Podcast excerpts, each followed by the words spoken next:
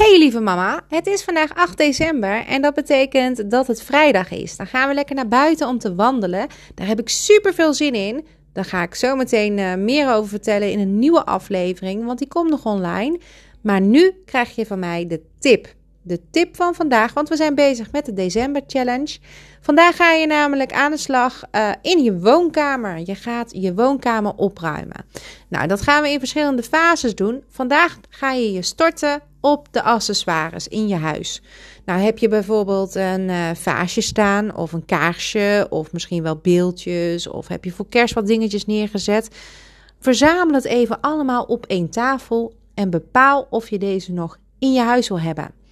Ik ga je vertellen namelijk dat accessoires in je huis echt voor een rommeltje kunnen zorgen. En dat weet je misschien ook wel, hè? dat je uh, een beeldje hebt staan wat er eigenlijk al heel lang staat, maar ja, waar je ook misschien niet heel veel waarde aan hecht, maar een ander in huis wel. Ik doel op zelfgemaakte mooie projectjes. nou, die kunnen overal in huis staan en verzamelen zich meestal in de woonkamer. En die accessoires, daar kan je best wel een klein beetje in minderen. Wat heel slim is om te doen, is dus om alles te verzamelen op je grote tafel, je eettafel bijvoorbeeld. Zet dus al die accessoires die je hebt in huis op één tafel. En dan ga je kijken: kan ik dit nog neerzetten? Vind ik dit nog leuk? Heeft het zin? Uh, is het, staat het mooi? Uh, is het wel schoon? Misschien moet je het wel even zuiver maken. Of uh, vind ik het wel mooi geweest met dit beeldje of dit dingetje of deze bloem of wat dan ook? Of wil je er iets anders voor neerzetten, wat ook kan? vazen kun je bijvoorbeeld ook heel mooi laten of zelf bespuiten in een andere kleur of beplakken.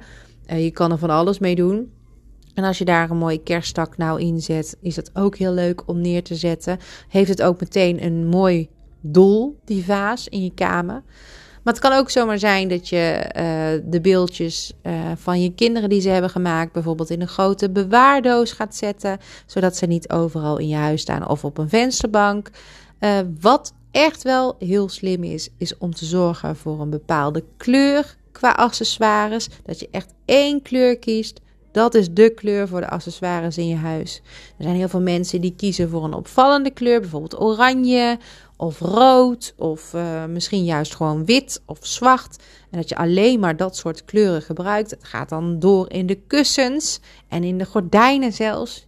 Je kan het zo gek niet bedenken. Maar je stort je vandaag dus op al die prelaria, om het zo mooi te zeggen, in je woonkamer.